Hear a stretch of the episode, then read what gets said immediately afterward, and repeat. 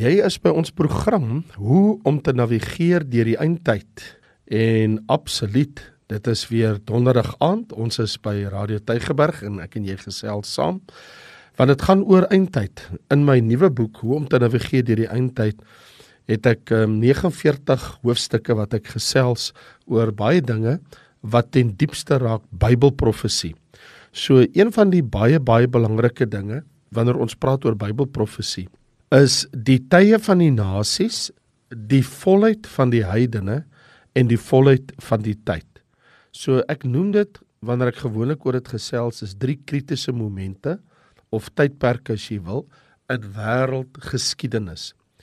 Want die eerste ene het te doen met waar Jesus hierdie frase gebruik in Lukas 21 wanneer hy praat mos oor die tye van die nasies en hy sê Jerusalem sal vertrap word deur die nasies totdat die tye van die nasies vervul is. Nou ons weet dat die boek Daniël het alles te doen met die tye van die nasies.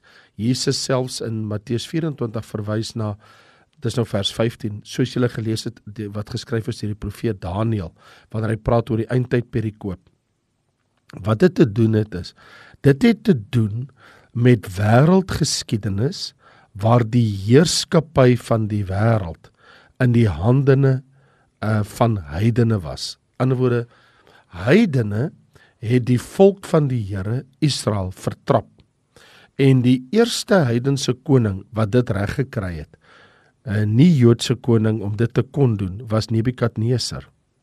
Ons kan nie praat van Egipte en Assirië nie, want hulle het nie Israel, Jerusalem, uh, Juda in ballingskap weggevoer nie. Hulle het nie Jerusalem vernietig nie. Hulle het nie die tempel tot niet gemaak en die volk totaal en geheel en al verstrooi nie. Ek bedoel ja, Aserbanipal het van die 10 verlore stamme wat ons natuurlik nou in moderne geskiedenis baie keer hoor mense praat van die 10 verlore stamme wat nie regtig verlore is nie. Hulle is almal gevind. Ek bedoel ons lees mos in Openbaring hoofstuk 7 van hulle en op baie ander plekke in die Bybel in die Nuwe Testamentiese Bybel perikoop. Maar hier is die baie belangrike punt. Nebukadneser het Dawid se troon omvergewerp. Nebukadneser het Jerusalem beleer en hy het die mense weggevoer en die land 'n integrale deel van sy gebied gemaak. Ons praat van 2600 jaar gelede.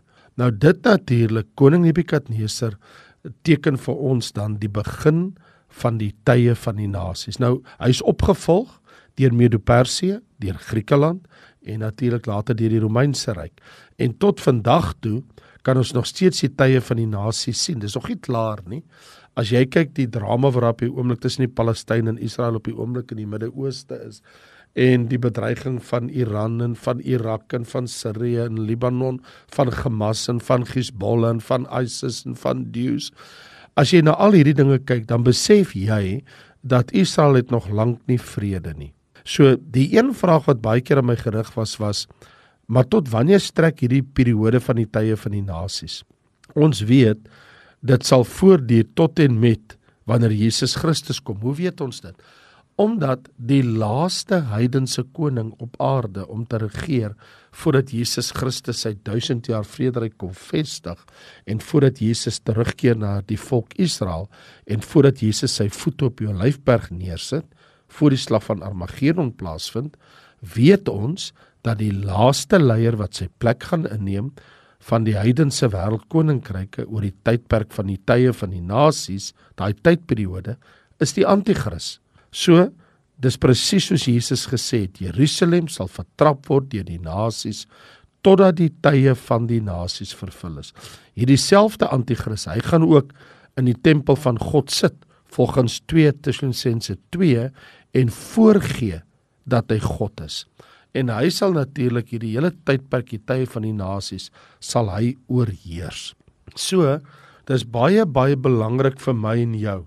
Wanneer ons oor hierdie dinge praat, ek bedoel nou spesifiek as ons nou praat oor die tye van die nasies.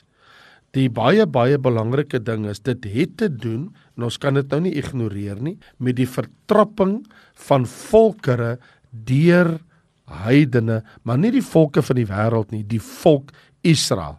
So Die tye van die nasies strek tot aan die einde, die tyd van die einde.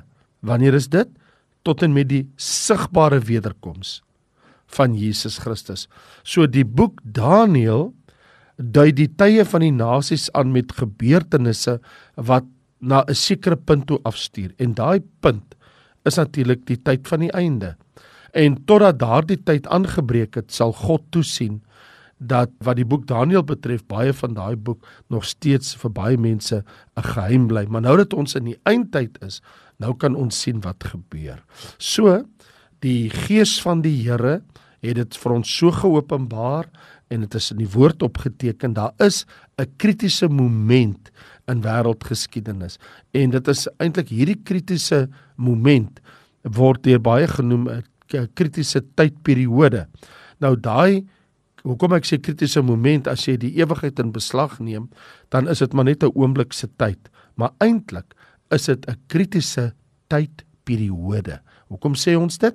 Want die tye van die nasies dek 'n periode van 2600 jaar.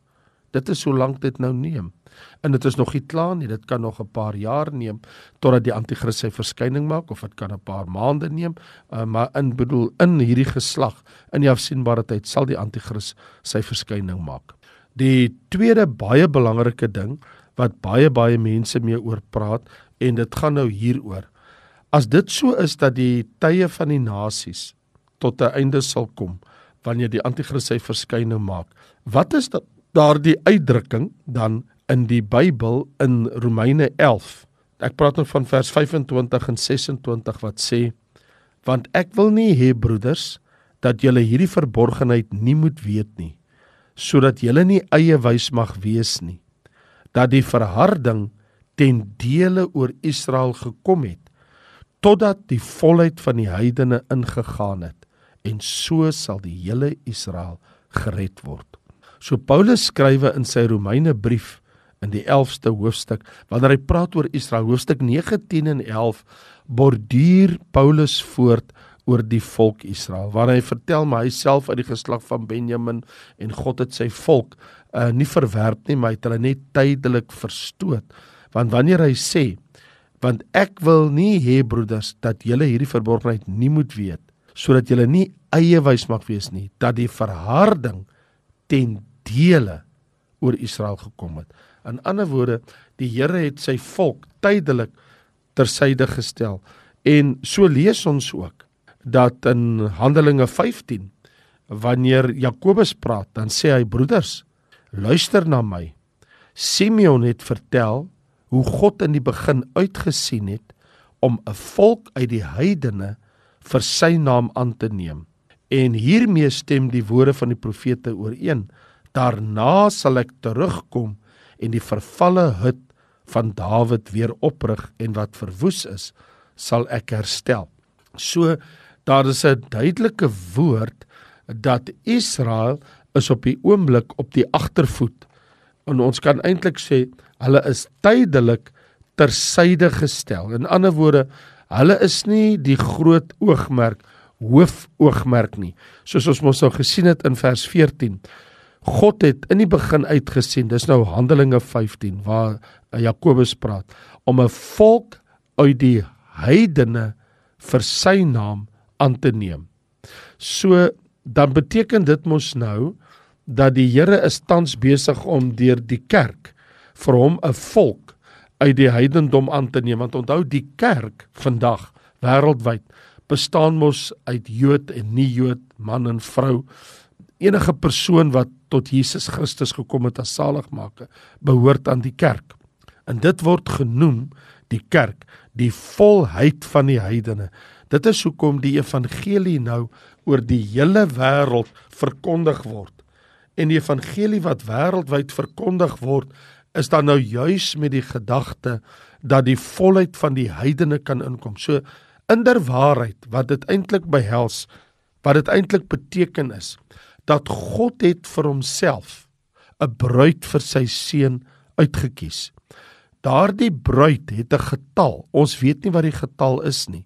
Daarom word daar gepraat van die volheid van die heidene totdat dit is in Romeine 11 vers 26 totdat die volheid van die heidene ingegaan het en so sal die hele Israel gered word. So hier word van twee verskillende volkegroepe of twee verskillende entiteite gepraat. Jy het Israel een kant en jy het die volheid van die heidene aan die ander kant.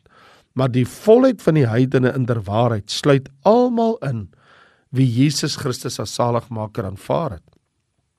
So wat op die oomblik in die wêreld aangaan, waar in jou hele Ou Testament van Genesis tot Maleagi was Israel en die volk Israel die fokuspunt van die ganse skrif en dit was alles die geskiedenis van Israel. Van Genesis 12 tot Maleagi hoofstuk 4 is alles Israel se geskiedenis. Hele Bybel vol daarvan. Maar wat aangrypend is, is dat toe Jesus Christus kom en hy aan die kruis sterwe, omdat Israel hom verwerp het om gekruisig te word. Toe word die evangelie gaan dan heen maak disippels van al die nasies. En nou so baie duidelik word daar vir ons gesê dat nou kan die evangelie oor die hele aarde verbrei word. So die Here gebruik hierdie situasie waar Israel God se seun verwerp het, waar die Here sê, "Goed, julle het my seun verwerp, Nou stel ek julle tersyde. Ek plaas julle eenkant. Ek gaan nie nou met julle handel nie. Ek gaan nou handel met al die volke van die wêreld. Die hele Ou Testament het ek met julle gehandel. Julle het my seun verwerp. Nou gaan ek met die hele wêreld handel. So, die afgelope 2000 jaar word uh, oor die afgelope 2000 jaar termyn die volheid van die heidene ingebring, ingebring, ingebring. Elke persoon wat tot bekering kom, maak die volheid al hoe voller en voller. Hoekom sê ek dit?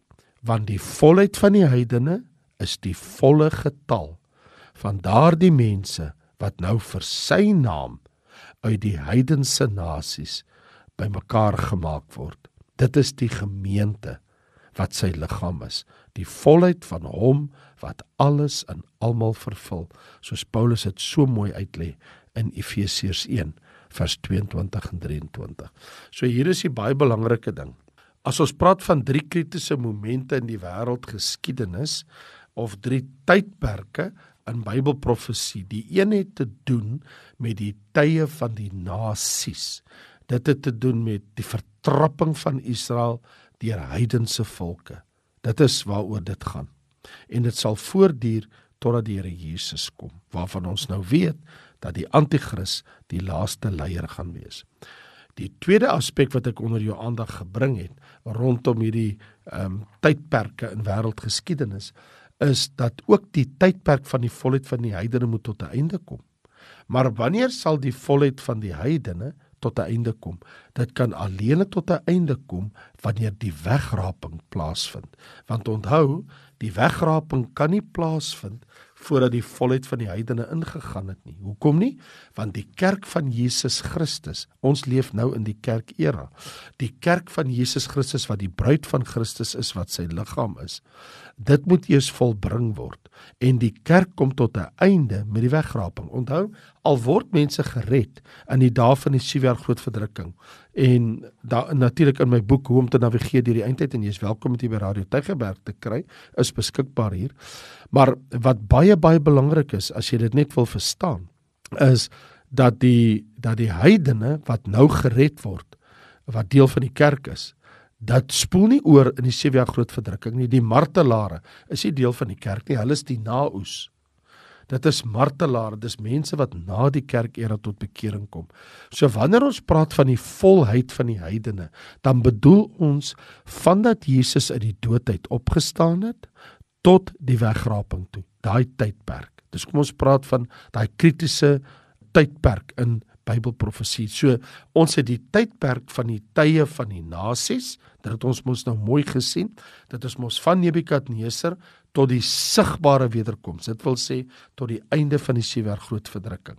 Maar as ons van die volheid van die heidene praat, dan praat ons van die kruis van Jesus af tot en met die dag van die wegraping. Dit is die volheid van die heidene wat moet inkom, 'n vol getal uit die heidendom wat die Here bymekaar maak vir sy seun Jesus Christus. En dan laastens, en ek het gesê ek wil met jou praat oor drie kritiese uh, gebeurtenisse in wêreldgeskiedenis. En die ander ene is wat ons noem in Efesiërs 1 vers 10, omdat die Bybel dit so beskryf, die volheid van die tyd. Die volheid van die tyd, dit is 'n frase wat jy vind dit in Paulus se geskrif in Efesiërs. Dit verwys na die laaste tydperiode of laaste dispensasie wanneer dit gaan alles oorbeweeg die wêreld in Christus vervat word om 'n hele nuwe bestel daar te stel. Die skrif stel dit so, ek lees vir jou die teks. Om die volheid van die tye te reël met die doel om alle dinge wat in die hemele sowel as wat op die aarde is onder een hoof in Christus te verenig. So daar word gepraat van die volheid van die tye. Hoekom word dit gereël? Daar's 'n doel. Dit is dat alle dinge wat in die hemele en op die aarde is, moet onder Jesus Christus as hoof verenig word.